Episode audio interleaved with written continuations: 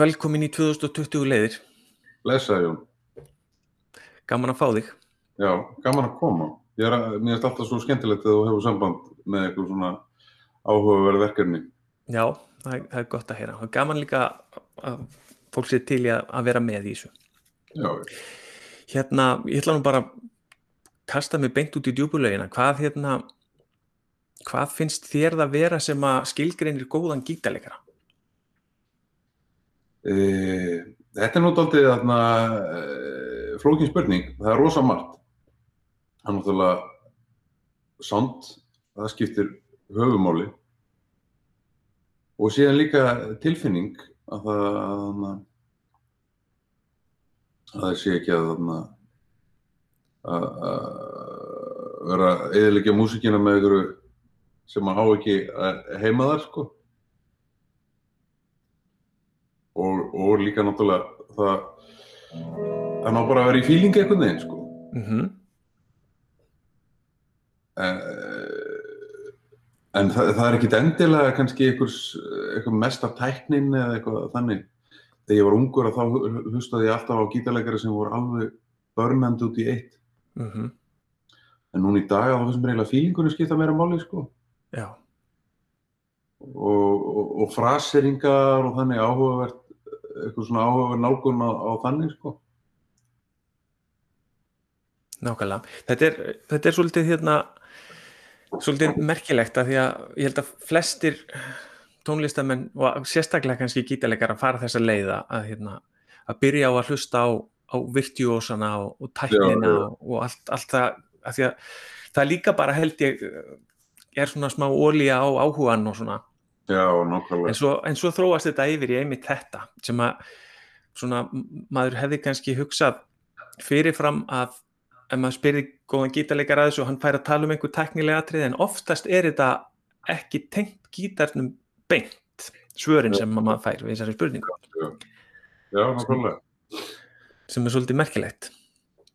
Já, ég held nefnilega sko huglægi parturinn er oft svo rosalega mikilvægur eins og sumir þeir ná alveg að detta í fílingin sko þegar þeir eru að spila og, eh, og maður finnur það alltaf þegar að ykkur nær að gleyma sér meðan hann er að spila en síðan þarna síðan kannski ef ykkur er að reyna alveg að bara sína öllum hvað hann er ógeðslega góður þá er hann ekkert að ná að gleyma sér þetta oft tíðum sko Ég að þetta snúist oft um það að ná að gleyma stað og stund meðan maður er að spila. mm -hmm. Þá spila maður best. Ef, við, ef, við, ef við gröfum aðeins í þessar pælingar til dæmis þú talar um sound sem er náttúrulega þetta snýst allt um sound. Já, búa til einhver hljóð. Hvernig, hvernig er þín nálgun á að bæta sound? Bara fyrir bara þann sem er að byrja til dæmis og, og svo bara upp í það sem þú ert að pæla. Já. snýst þetta um petalana? Já, e, til að byrja með er, er þetta bara í rauninni um að na, fá bara hljóð síðan að, að strengi, eins og fyrir byrjendur að það sé ekki að lifast allir strenginir í einu með hana meðan maður er að spila og, og, og, og þannig að, að þá hljómar þetta bara ekki, ekki vel -hmm. Það er að dempa þá aðeins með hæðendinni og... og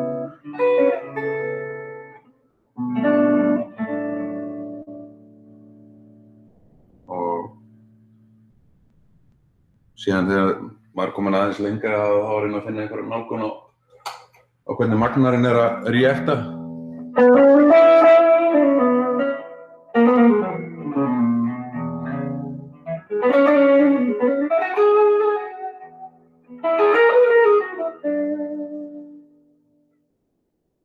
Og alltaf að vera með smá kannski reverb og en, en, en mér finnst það, ég er alltaf með kveitt á smá reverbi og reverb er, er hljóðið sem maður lætur því hljóma eins og þú sért inn í einhverju herbyggi og... Mm -hmm. en þetta er samt svo þetta er, þetta er tóttið flókin spurning sko af því að sko það er eiginlega sko sándið kemur tóttið með ofta reynslunni eins og pappi, Siggi Sigmundsson ef hann plökkar í einhvern magnara þá hljómar hann alltaf eins og Siggi Sigmundsson Mm -hmm. og, og, og það sama þú getur látið David Gilmour plugga í eitthvað drest magnara með ódýran gítar og hann hljómar alltaf eins og David Gilmour sko. Það er svo ógeðslega mikið í puttunum og og, og það fer það náttúrulega bara eftir því hvernig fólk er að víbra sumir, sumir víbra svona og sumir er kannski með klassíska víbradóið og Mm -hmm. sést alveg í gítarinn líka Já, já, mjög flott. og sumir nota meira slæt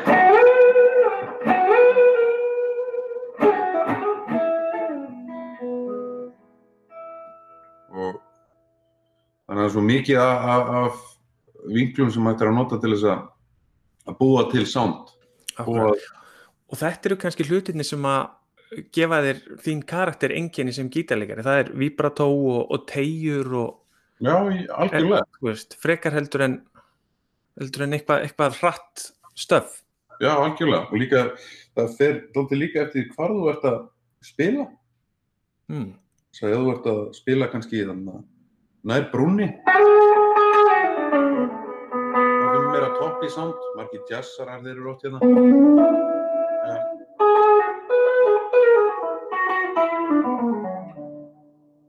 kannski þarna ég hef oftar verið aðeins nær hér. Þá ferur meiri svona fytu aðeins.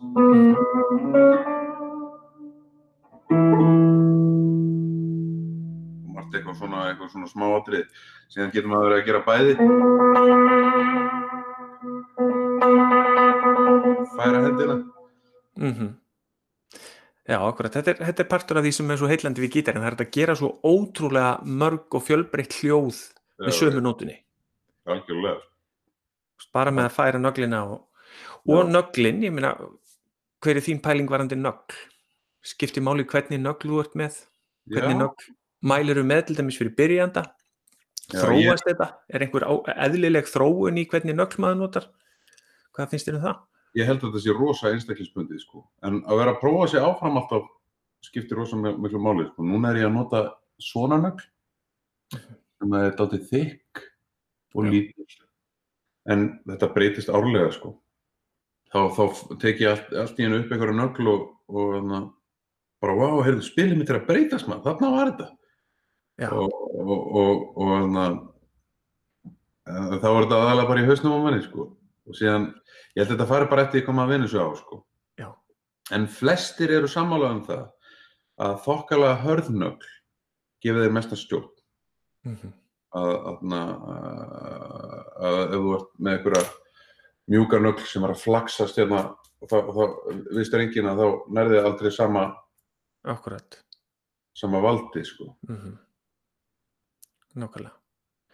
Já, En síðan náttúrulega sko, ef maður er til dæmis að strömma inn á eitthvað lag í stúdíu eða eitthvað á kassagítar til dæmis, þá, þá myndi ég aldrei vera með svona, svona þykka nögl.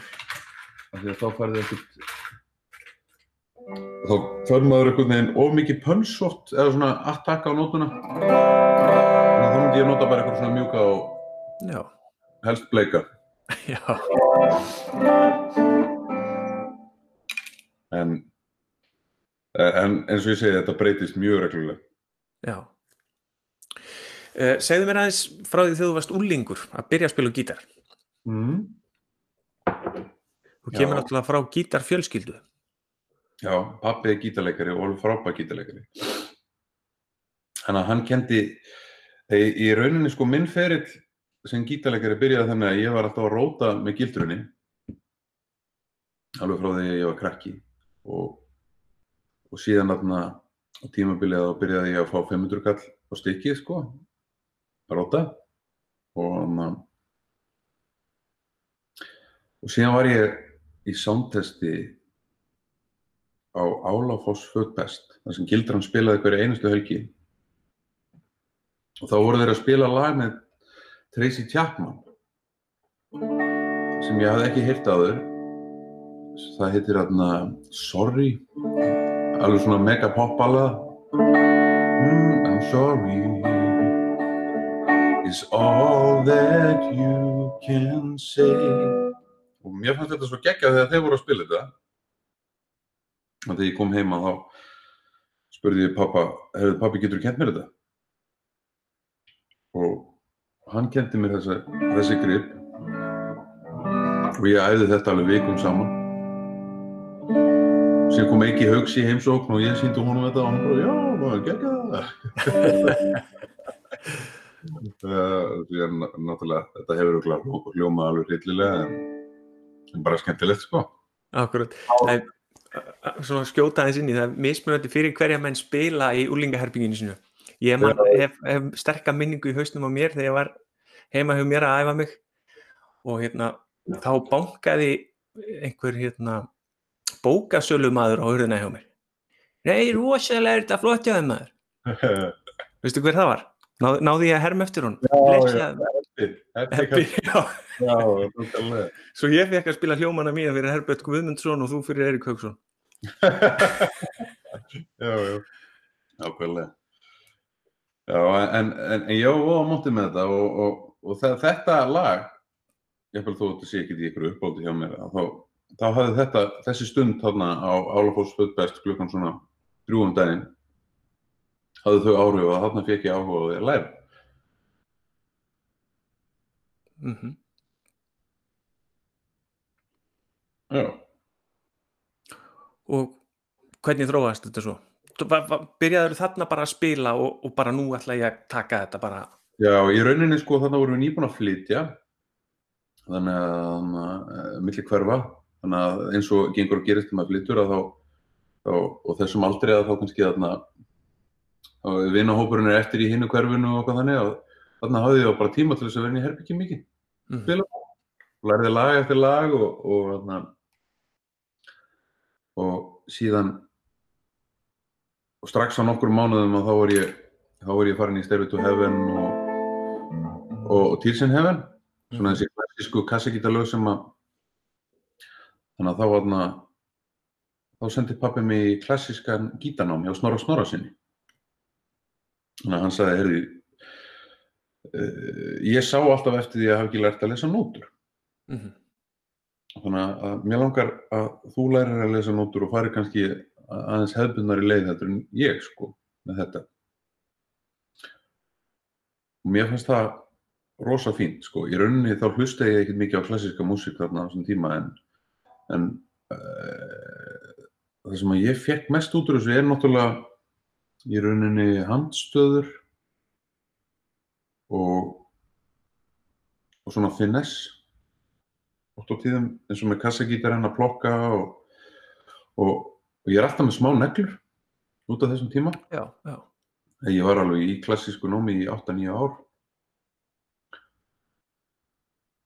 og ég er nánast alltaf að snorra. Snorri var alveg frábæð kennari. Sko. Ég er eiginlega hálf vorkennarna samt á sínum tíma eins og síðustu, ára, síðustu árin í náminu að þá held ég að þau hefur reynd mikið á, á hans þólumæði sem kennari sko, eins og ég er náttúrulega var náttúrulega bara komin í rockið og poppið og, og, og, og þá var maður ekkert að æfa sér. Maður var búinn að taka nánast öll, ég var búinn að taka öll stíðin nema bara að loka prófið og, og við vorum búinn að vera að vinna í því í þrjú árið eitthvað. Já, já, já. En það, ég náði aldrei að fara alla leið í þessu, af því ég, ég gaf mig aldrei allur í þetta. Maður þarf að gera það aðeins, ef maður ætlar að fara, fyrir, að fara þessa prófleið og þannig. Já, En þetta gerði mér svakalega gott. já. En síðan þa þarna var ég náttúrulega uh, að læra klassík þarna sem unglingur og, og heima var ég að spila Deep Purple og, og eitthvað svona pop og, og, og sem, en það sem ég lærði yfirleitt mest af var það þegar pappi var niður í stofu og hann var að gera kannski ykkur að tekna efingar og þá lærði maður svo mikið á því að sitja og horfa á hann. Sjá bara hvernig hann gerði þetta. Og hann var oft bara með gítarinn ekki pluggaði hann og kannski að gera bara einhverja skalaæfingar og og þá var maður sá maður hreyfingarnar í, í í hendinni og, og hvernig hann nálgæðist þetta. Mm og það var líklega það sem ég lærði mest af.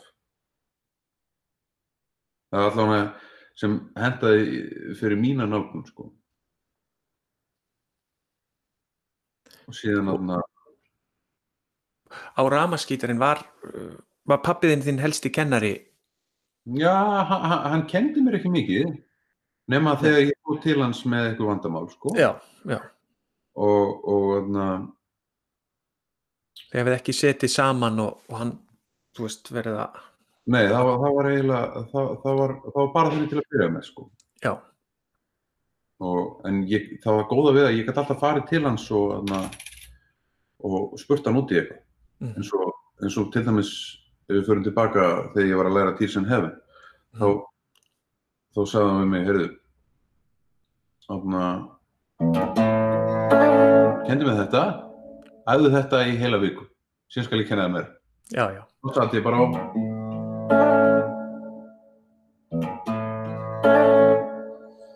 Og síðan þarna með Stereo to Heaven að þá æðu þetta.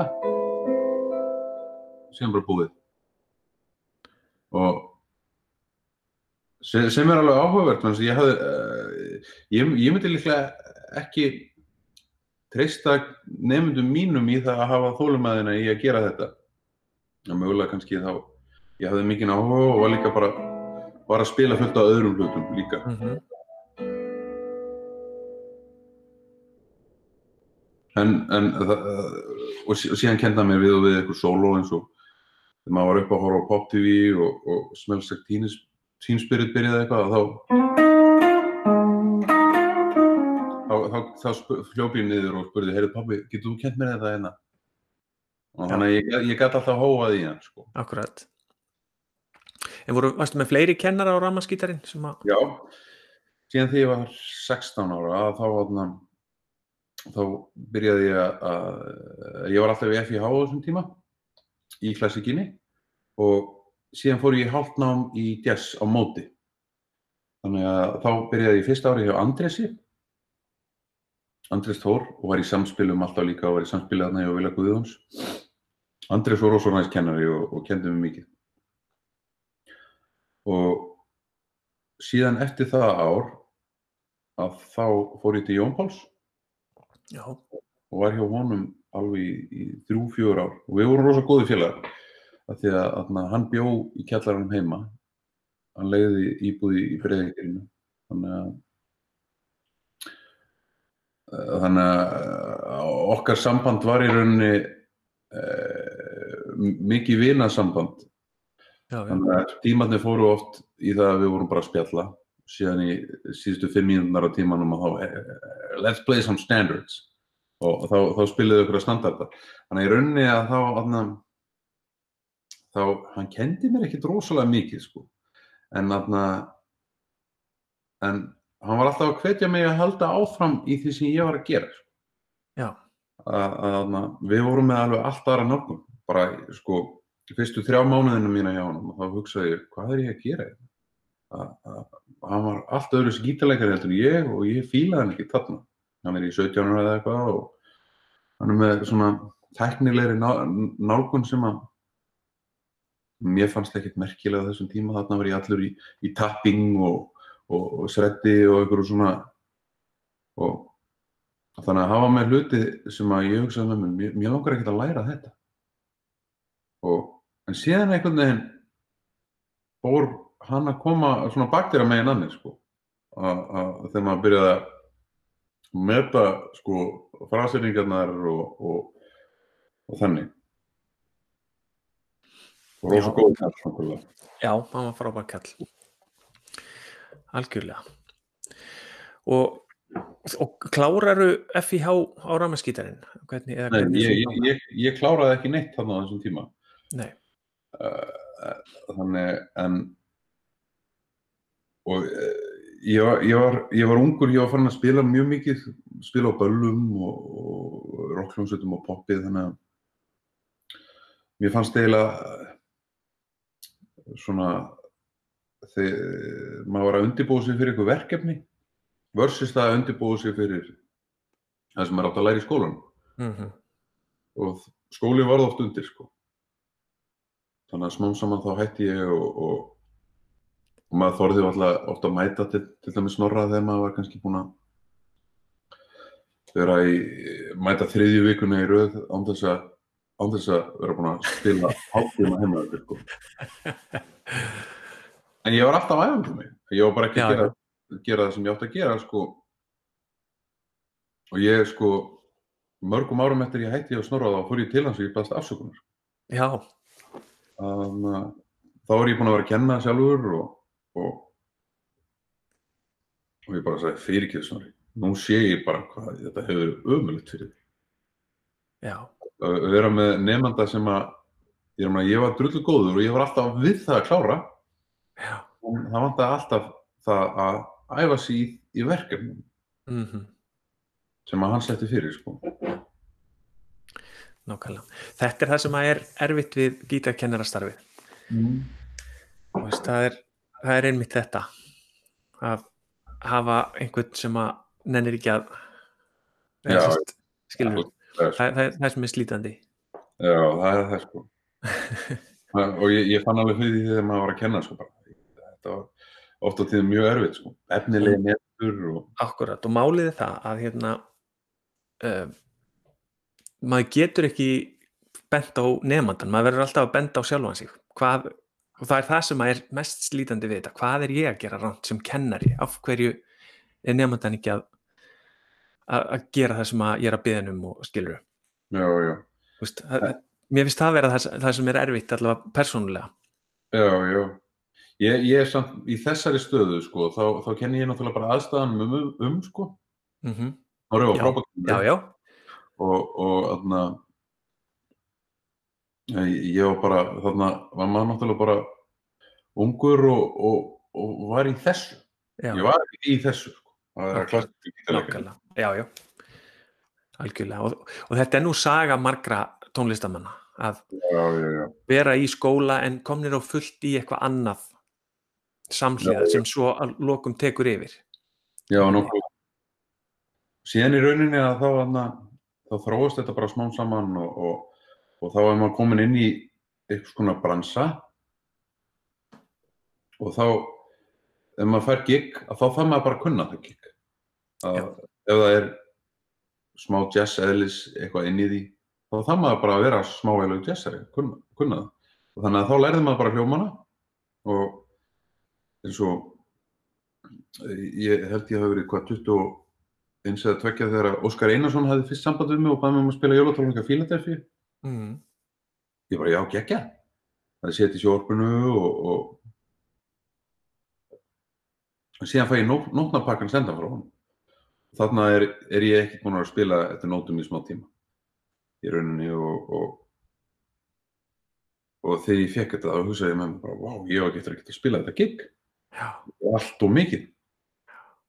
Og þannig að ég þurfti bara liggja að læra einhverja hljóma sem ég hafði aldrei heyrt um áður og, og, og kunni ekkert að hugsa í rauninni að því að ég var ekkert komin það langt í þessari jazz hljómfræði hugsun. Ég nefndi ekkert að fara á sínum tíma í þess að hópa tíma og sem að voru í bóði sem ég sé mjög eftir. Og þá þurfti ég bara að læra þetta þarna fyrir þetta gig þannig að það gengur ekkert að mæta á fyrstu æfingun og herðu uh, Óskar, hvað er eiginlega þarna AS SUS 13 herðu ég og þá, þá er náttúrulega þá fatta þeir sem ráðamann að maður veit, veit ekkert hvað maður er að gera. Akkurat. Þá þurfti ég bara að læra þetta. Mm og, og það tók alveg á. Það er líka eins að Óskar náttúrulega hann hugsa þetta sem píanuleikari þannig að það er kannski hann hreyfir eitt putta og þá breytist algjörlega heitið á hljómum og hann er kannski að gera eitt dam, bam, bam, bam, bam. Eh, svona mega stabs og maður er að reyna að elta þetta á gítarinn og, og, og þegar maður kann ekki alveg að hugsa þetta þá þá leitur þetta út eins og okkur algjör martröð sko.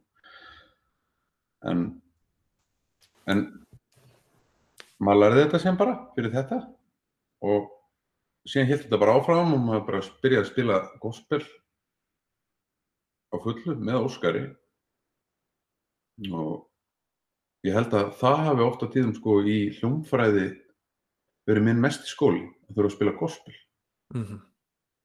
og, og þannig að að ég undirbjó mig alltaf alveg svakalega vel fyrir fyrir þau gig sko að því að að því að þannig mér fannst þau erfið sko. síðan voru auðvöðu bara auðvöld í rauninni að því að maður var búin að þegar maður undirbjóð sig í, í kannski tvær vikur fyrir fyrsta gigið eða eitthvað þá þurftum maður að undirbúa sig í viku fyrir næsta gig og síðan einhvern veginn var þetta alltaf letar og letar Já. Akkurat. Hvernig nálgastu svona, eins og þú segir, þegar ma maður fær svona hljóma frá píjánuleikara þá eru alls konar versjónir og allt síður þetta niður í einfaldan sjöunda hljóm eða er þetta elda allt sem hann er að gera? um, uh, sko til að byrja með að þá, þá reyndi ég að elda allt en síðan aðna síðan fór ég að reyna að elda bara líkil samtið sko, hvað er hann að reyna, hvað, hver eru toppnótunar Mm. og og aðna og, og, oft á tíðum nægir að halda einhverju nótu yfir kannski einhverju einni nótu og, og kannski halda einhverju nótu sem að gengur yfir alla hljómana og færi einhverja eina með eitthvað. Þannig, en það er rosa gott að vita algjöran struktúran á hljómnum en, en vera ekkert að gera einhverju rísa grip Já. en uh, núna finnst mér það sko Mm síðan er líka það er svo erfitt að gera hitt Já, akkurat. Algjörlega. Hérna, uh, þegar þú færð nefnda til þín, hvað, hérna, hvað er það sem þú færð fyrst í? í, uh, ég bið hann um að spila fyrir mig bara ef hann kann eitthvað að spila og þá þurfum við eiginlega bara að meta það út frá því mér finnst þú að mikilvægt að þetta sé einhvers konar námið sé blanda af því sem að hann hefur áhuga á og því sem að er í rauninni svona praktíski hlutin að hljónfræði og tónfræði basically og, og einhverju skalar og svona. En ef, að, ef þetta er algjör byrjandi, að þá finnst mér, uh, þá var ég oft á tíðum farin að gera það þannig þegar ég var að kenna, þess að ég er ekkert búin að vera að kenna núna dálítið upp á síkasti, að þá, þá byrjaði ég að vinna bara á einum streng. Að því að, að þegar ég var að byrja, þá, þá, þá tók mér smá tíma að fatta nótna struktúrin á gítan. Mm Að, þarna, Af því að þeir eru rauninni dálítið flókið og hann að með þú ert með píanóið þá er þetta svo algengilegt þú ert bara með hana línuna og nótnastrengurinn í rauninni hann, hann getur virkað sem línan sko.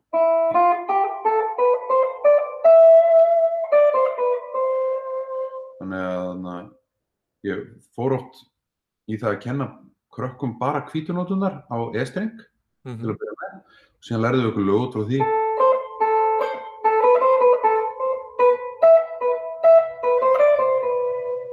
Og, og síðan með þá sem að voru að ná þessu vel að þá fór ég atna, oft í, atna, í rauninni svona spunapælingu. Að, að ég kveikti á, á hljóðfæri, ég fann kannski bara á YouTube Tampura drón að þá er það svona drónahljóðfæri sem er mikið notað í indverskri músík sem drónar bara yfir. Já, já.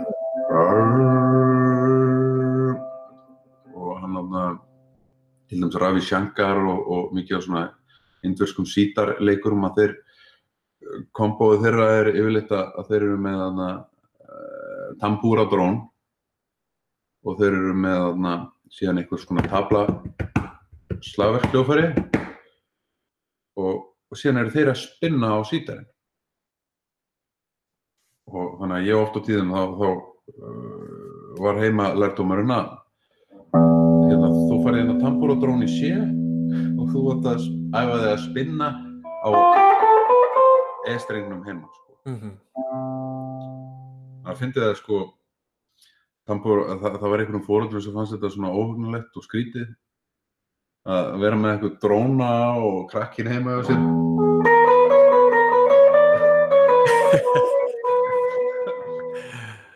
Og þau bönnuðu nú að æfa sig heima í þessu sko.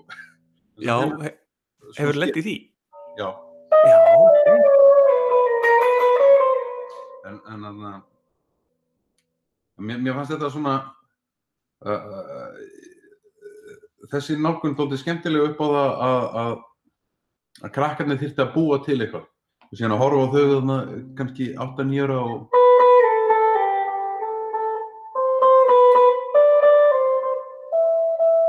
Þarna spilaði ég oft sá ég spóa. Já, En það var mjög skemmtilegt, en uh, þetta var, uh, þetta var svona tilhörnastarfsemi svona sem ég var í rétt á hann í hætti, en mjög skemmtilegt. En annars líka þegar maður var að kenna hljómum, hljóma, þá fannst mér mjög mikilvægt að, að, að í rauninni æfa, að þau myndu æfa sig í ótrúlega litlum hreyfingum. eins og þá vorum við með svona komboljóma, C og F maður 7 voru komboljómar. Þá áttuðu bara að æfa sig að færa á milli. Færa bara tvo. Síðan vorum við með næsta kombo. Þá var það C og G7 og æfa litlar hreyfingar.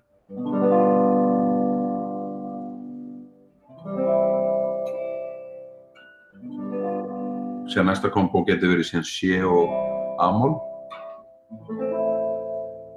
Bara halda niður nótunum sem að eiga að vera til staðar ennþá. Síðan náttúrulega A-mól og E-dúr. Og A-mól og D-mól getur verið kombo líka. Þá opnar maður aðeins hérna. Samgildi með A-dúr og D-dúr. Lítil kombo. mm akkurat. Já, sem að æfir þá skiptingar og, og hljóma og allt í Já, senn. já.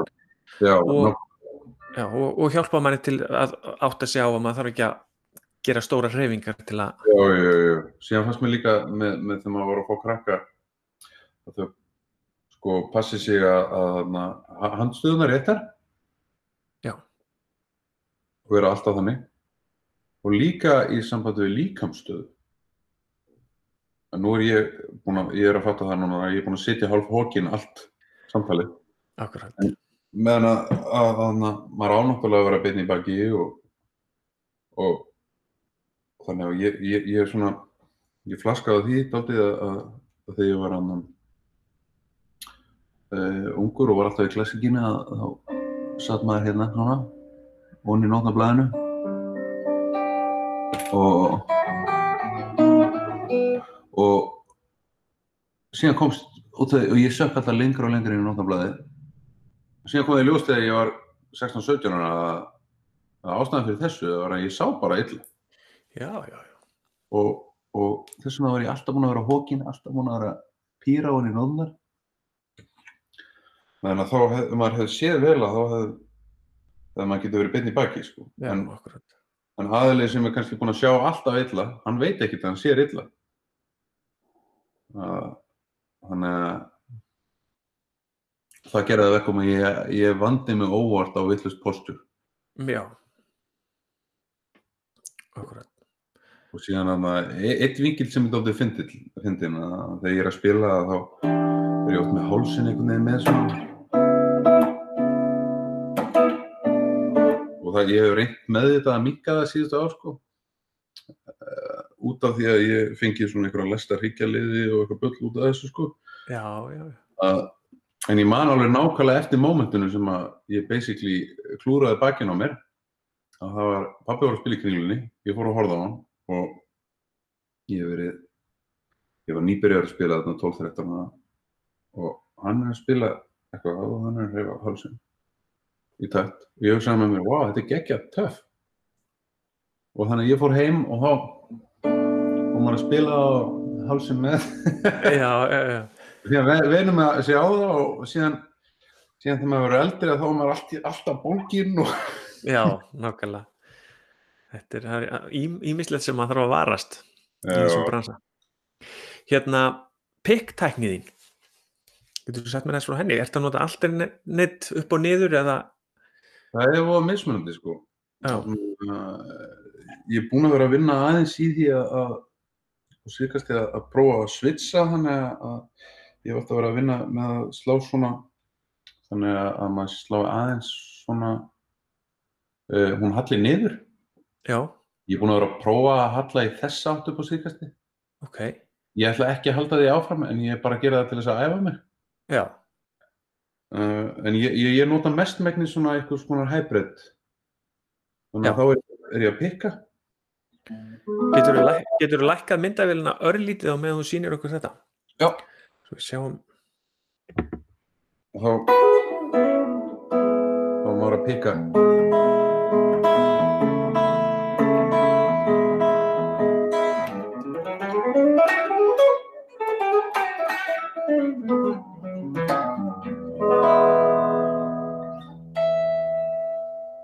pikka. Þá er maður að nota þessi hérna tvo með.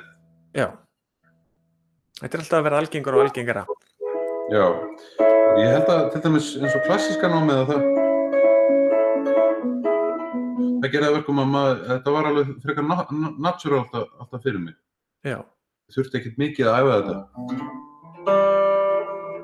Ég var að þegar ég var að bæta þessu við, sko. akkurat en þú ert samt ennþá að pæla í hvernig þú notar nöglina og hvernig þú ert að að spila Já. og Já, ég er algjörlega. að, ennþá að gera tilraunir Já, ég, ég, ég er alveg að því, sko. Og mér finnst nefnilega dóttis áhugaverð þessi soundpæling, sko, að þetta algengast að þú pikkar hérna niður þannig að hún halli, hún verður alltaf að halli eitthvað smá. mm. að þannig að ef maður hallar henni niður þá fær maður þetta sound ef maður hallar henni upp á þá finnst mér að soundi verða aðeins svona meira rounded það er kannski erfiðar að heyra það ekki með netið en, en maður nær, nær alltaf aðeins meira börni á, á hallanum sko. já,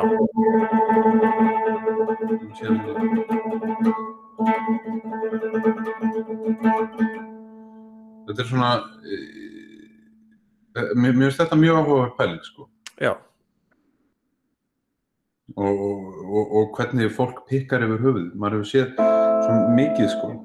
Já, en réttast er þetta ég, ég, ég byrjaði að samfara mig um daginn að prófa þetta hérna og vera að æfa með alveg tímanum saman að, að vera með hana svona sko. Já, en þarna en síðan síðan endaði ég hérna.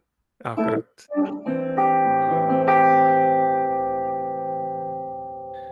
já, ég hérna ég tók eftir í ég, hérna, tók viðtal við Robin Ford þegar hann kom til Íslands. Já, og hann er með það er svo flott pikkteknin hans það maður heyrir ég, ég var búin að pæla lengi í því hvað það var sem hann var að gera. Mm, af því að þá var tónnin allt í hennu svo rosa mjúkur og, og svona rándeit eitthvað. Já, og þá er hann með svona medium venjulega fendinögl, ég er alltaf með þessar litlu druslur, já. En hann var með stærri nögl og hann sneri og notaði sem sagt þessa hlið á henni. Já, já, já, og það, það var ótrúlega, ég spurði hann að þessu hva, hvað er það sem þú ert að gera? Snýpar nöglinni. Og já, þú veist, að því að oft, oft þegar maður er búin að vera eins og þekkir þegar maður er búin að pikka mikið upp og nota eirun eins og maður lærir alltaf einu sinni, þá Já. heyri maður stundum sko hvernig menn er að gera hlutina. Já, en þarna, ég fattaði þetta aldrei. En. Snúa nöglinni hins einn já, nákvæmlega. Þetta er, þetta er það sem á Edge gerir hann, hann, hann, heldur henni alltaf eitthvað deginn á, á hlið og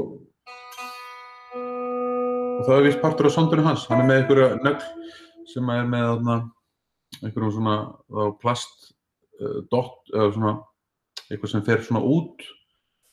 Einhverjum litla plastbólur. Já, og þannig að það er vist partur af sondunum hans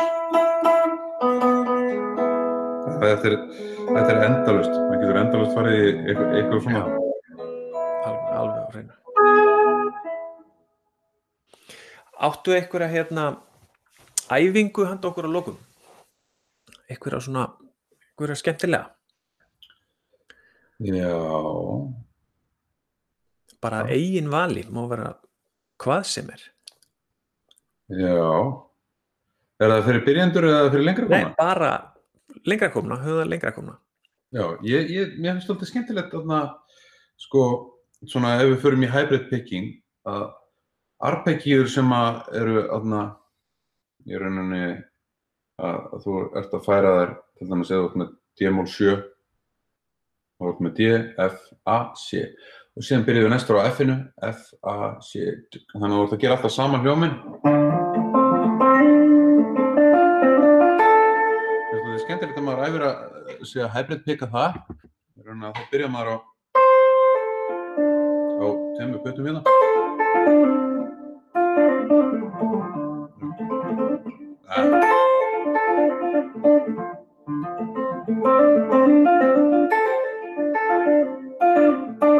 Sér getur maður að fara í næsta og í til dæmis næsta þrepp sem var þá kannski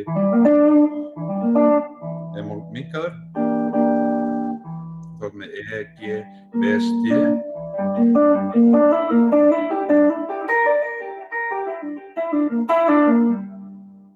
Sér getur maður að fara þá í A sjöund en sleppt uh, grunntónunum og verið þá bara með í rauninu. Þá þarf maður bara að færa eitt putta frá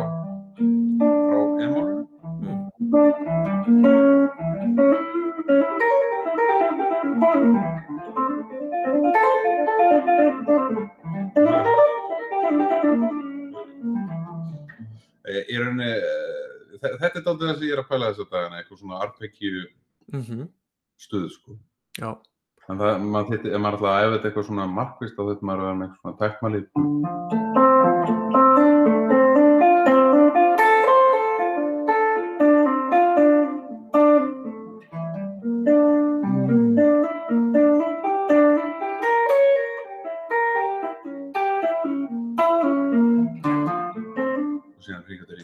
akkurat. þetta getur til dæmis verið einn ein æfingar Já, og frábær leið fyrir stóð noti bara nöglina. já, algjörlega Þetta flott æfingi það líka. já, Hvað gerir þú menjulega þegar þú tekur upp gítarinn? Bara úr sófanum eða já, ég, þegar þú byrjar að spila? Já, mér finnst svona eh, eins og þegar ég var að kenna krokkunum og mér finnst svona drónapælingar ógeðslega skemmtilega. Það var yfirleitt þá tók, læt ég bassa nótu lifa.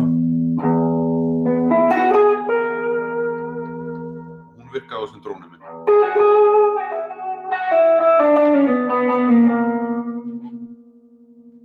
Og skemmtilegt við það og þá getur maður verið að, að, að æfa sig í í, í soundum upp á það hvaða skali er með hvaða og núna er ég að leika mér í, í þarna, eitthvað svona Lydian mót mér finnst þarna Lydian B7 vera ógætt skemmtilegt sound hefðbundi Lydian var í svona hefðbundi Lydian að það er þetta Ravi Shankar hvað þeir væri að ná þeir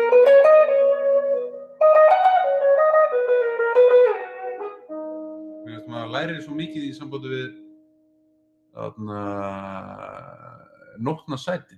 Hva, hvaða sound er hvað? Svo hérna er þetta stóru í samhengjunum sem til dæmis sem maður breytir algjörlega um lit og fyrir mixoliti í B6 eða eitthvað þá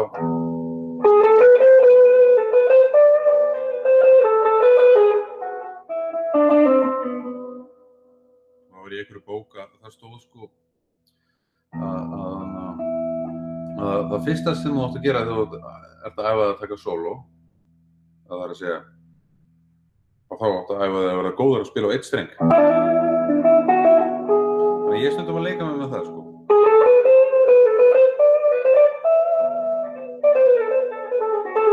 Sem fyrir það náttúrulega yfir eitthvað annað. En það er skemmtilegt með drónana að þá heyrir maður nákvæmlega hvernig hvert hvernig maður getur breytt atmóunum með því að breyta kannski bara nokkru nótum. Að þú veist með dúr, hann er gleði og Lítian er gleði líka en síðan ef þú fyrir Lítian B7 þá ertu komið með einhverja mystík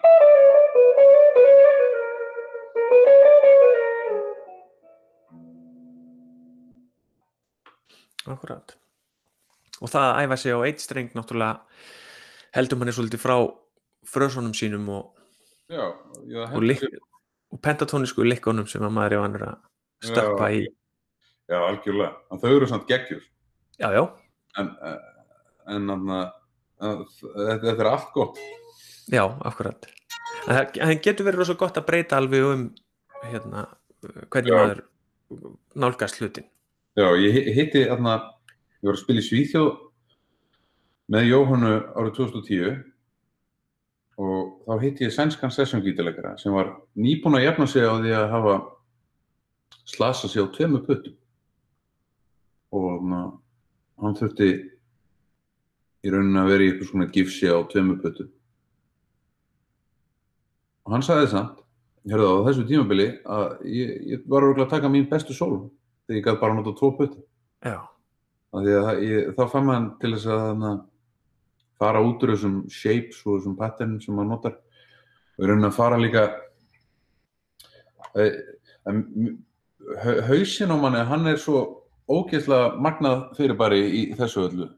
Að, að þegar þú ert að spila og, og þú ert að spila og þú ert að reyna að samfara samfara einhvern um að þú sett góður og þá að þá spilar ekkert vel. En þegar þú ert í feeling og þú ert bara í, í momentinu og, og, og nær að gleyma þér þú ert að spila bara til að spila gera músík, þá spila maður ógeðslega vel sko. Eða þannig að mér finnst það Mhm. ef ég, ef ég er eitthvað meðvitaður um það hver er að hlusta og, og, og þá fyrir allt í klessu sko. og na, þá er maður bara þá fer þetta ekki neitt sko. en, en það mik- mikilvægast það er í rauninni upp á spuna og þannig er, er það er það að æfa sig að komast í flow það er það er svona ég held að flestir hafa upplifað að, að, að það var eitthvað að gerast í kvöld Mhm. að na- þetta var geggja geggja gig og maður spilaði bara gig lífsins og maður var kannski bara að spila á Rosenberg eða eitthvað uh, áður en að, að það og en það var kannski hann sem maður glemdi sér bara maður leiði sér að, að, að vera sama um það hvað var að gerast sko. Og það var hann einn bók sem ég byrjaði eins og að lesa en, en ég kláraði hann ekki. Hún heitir The Inner Game of Music. Mm. hún fjallar um hann uh, í rauninni hún er byggð á bók sem að heitir Inner Game of Tennis sem að fjallar um það hvernig tennisleikara spiluðu best. Síðan voru þessar þarna, pælingar útfærir yfir gítar og pælingar þær eru þær að, að það sem að skemmir spilamennskuna fyrir manni er allt áreiti. Og það sem það getur annarkort verið ytra áreiti að það á fremsta bekk er eitthvað fólk sem er að spjalla. Og það er kling, klingir í klósunum þeirra og það er að tröfla þig. En það sem tröfla maður mest er það sem er að gerast í höstum á manni sko. Að það er er kannski stressaður yfir að maður á eftir að skila skattaskýslunni sinni eða, eða það að, herrðu, shit gummi píu var að lappin og, og, og þá var maður alltaf inn að geða upp meðvitað um það að maður hvað maður sé að spila? Og eða, eða, eða bara uh, það getur verið hver sem er gummi píu eða Eithor Gunnars eða eitthvað. Og allan að ég hef oft fundið fyrir því að ef ég er að spila og einhver lappar inn þá, þá breytist kvöldið fyrir manni. Þá Mm. allt í einu snýst þetta um það að spila fyrir þennan eina einstakling sem situr þarna í staðan fyrir að, að spila fyrir sjálfum sig Mhm. og, og ég held að besta spilamennskan gerist alltaf þegar maður spila fyrir sjálfum sig sko. því að þá nær maður að gleyma sér og, og Akkurat. Þetta er áhugavert. Ég hérna, tjekka á þessari bók, klálega. já, það eru margir sem, sem tala vel um hana. En- sé, ég kláraði ekki að lesa þannig að ég er ekki master Nei, en þú ert búin að ná e- e- einhverju element úr henni, maður. Já, já, þetta, þetta, þetta í rauninni þetta uh, fyrir mér er, er þetta allt svo eitthvað tengt í samfélagi við hugleyslu og, og, og um, ná að að slaka á en ef þú ert stútfullur af stressi og kvíða þá nærðu aldrei að, að, að finna einhvern veginn að finna tengingun Akkurat. Nema hann er alveg fullkonur í slökun og þá spila maður vel sko. Mm Akkurat. Og ert, ert þú að vinna í þessum hlutum í Já, dag? Já, ég vinn alveg Þarftu Alveg ennþá að minna þig á þegar Gummi P. lappar inn í salinu bara, heyrðu, slaka á. Já. Já. En, en ég, ég veit ekki sko hvað maður þarf að gera til þess að maður... kannski er þetta bara eilíðar, eilíðar ganga með þetta. Eða maður þau bara æfa sig að vera saman, æfa sig að komast í flóið heima, þá er maður Já. auðvitað með að- vera í flóinu, flóinu annar staðar. Akkurat. Flóið er, er bara þetta þegar, að, þarna, þegar þú ert að spila og allt sem þú spilar er bara sjálfkrafa, verður það rétt af því að þeir eru sama. Mm Jáfnveg þú gerir einhverja feilnótu og það skiptir einhver máli, þannig að þú heldur bara áfram og, og bara, Þetta er í rauninni sami hlutur en það ekki þegar maður sest niður og æfi sig og allt í hennu eru liðin 5 klukkutímar. jú, algjörlega, þetta er það sko. Já. Og það, það er, það er máli, það er tíminn, tíminn verður bara afstæður. Mm. Nákvæmlega. Áhugavert. Já. Herru, þakkaði kærlega fyrir að koma í 2020 leiðir. Þetta var virkilega skemmtilegt. Já, mér fannst það líka. Takk fyrir að bjóða mér. Robert.